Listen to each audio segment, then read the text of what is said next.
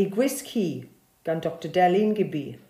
Nôl yn ystod y cyfnod clo, ces i wahoddiad gan ferched y wawr ffyn yn groes i roi sgwrs iddyn nhw a'r hanes menywod trwy ffasiwn.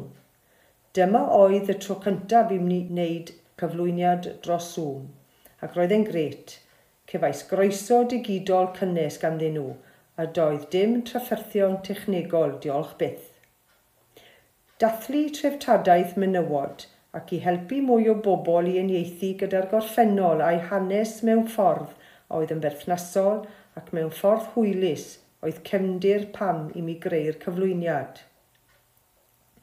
Mae'n dechrau nôl ar ddechrau oes y cerig, pan mae prif bwrpas dillad oedd bod yn ymarferol i gadw'n gynnes ac ymddiffyn y croen.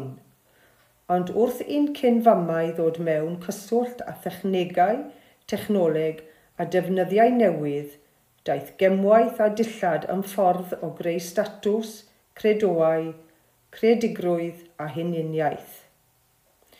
Dylen nhw'n hanes menywod trwy'r canrifoedd hyd at yr 80au, gan edrych ar ddylanwad cymdeithas, crefydd a gwleidyddiaeth ar fywyd a dillad menywod.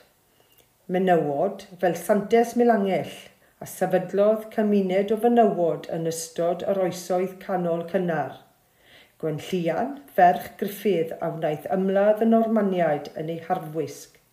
Brenhines Elizabeth y cyntaf a briododd ei gwlad yn lle tywysog tramor gan arddangos gwir ystyr power dressing. Ac wrth gwrs, y swffragetiaid gyda'i sash porffor a gwyrdd a wnaeth sicrhau ein hawl ni ferched i bleidleisio a chychwyn y ffordd i gydraddoldeb. Wrth gwrs, fy hoff gyfnod hanesyddol i siarad amdano yw'r oes heiarn. O fewn y gymdeithas oes heiarn ym Mhrydain, mae'n debyg y gwnaeth menywod fwynhau'r un statws a dynion, tan ddaeth y rufeiniaid a cymdeithas batriachraidd i ddathlu a tarfu ar y drefn. Roedd merched yn medru ymladd, yn gallu bod yn ddewrion ac yn arweinwyr, a phwy oedd y fenyw arweinwydd yn woca yn y cyfnod hwn, buddig wrth gwrs. Cawn ddisgrifiad hyfryd ohoni gan Cassius Dio, awdur Rufeinig, sydd yn ei disgrifio fel menyw dal frywychus ei golwg, llygad ffyrnig, llais cras, gwallt llwyd felin, hyd at ei chluniau, gyda thorch air o amgylch ei gwddf, a thiwnig amryw liw, oedd yn mantell drwchus drosto wedi ei gau gan glws broich. Roedd creu darn o ddilledyn fel mantell neu diwnig amryliw yn yr oes heiarn ddim yn dasg hawdd na chyflym. Roedd angen casglu, golchi, chribo'r glân cyn ei droelli ar sidell. Teclyn personol a fyddai wedi bod yn eiddo i nifer yn y cyfnod yna.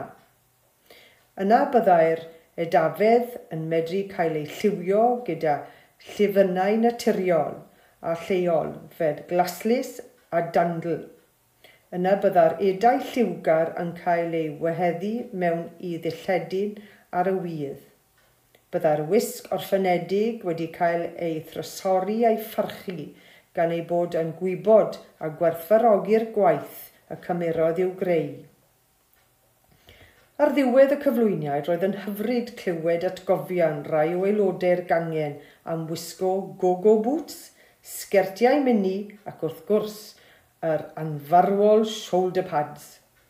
Hoffwn ddiolch i'r gangen am y gwahoddiad – gan obeithio iddyn nhw fwynhau'r noson.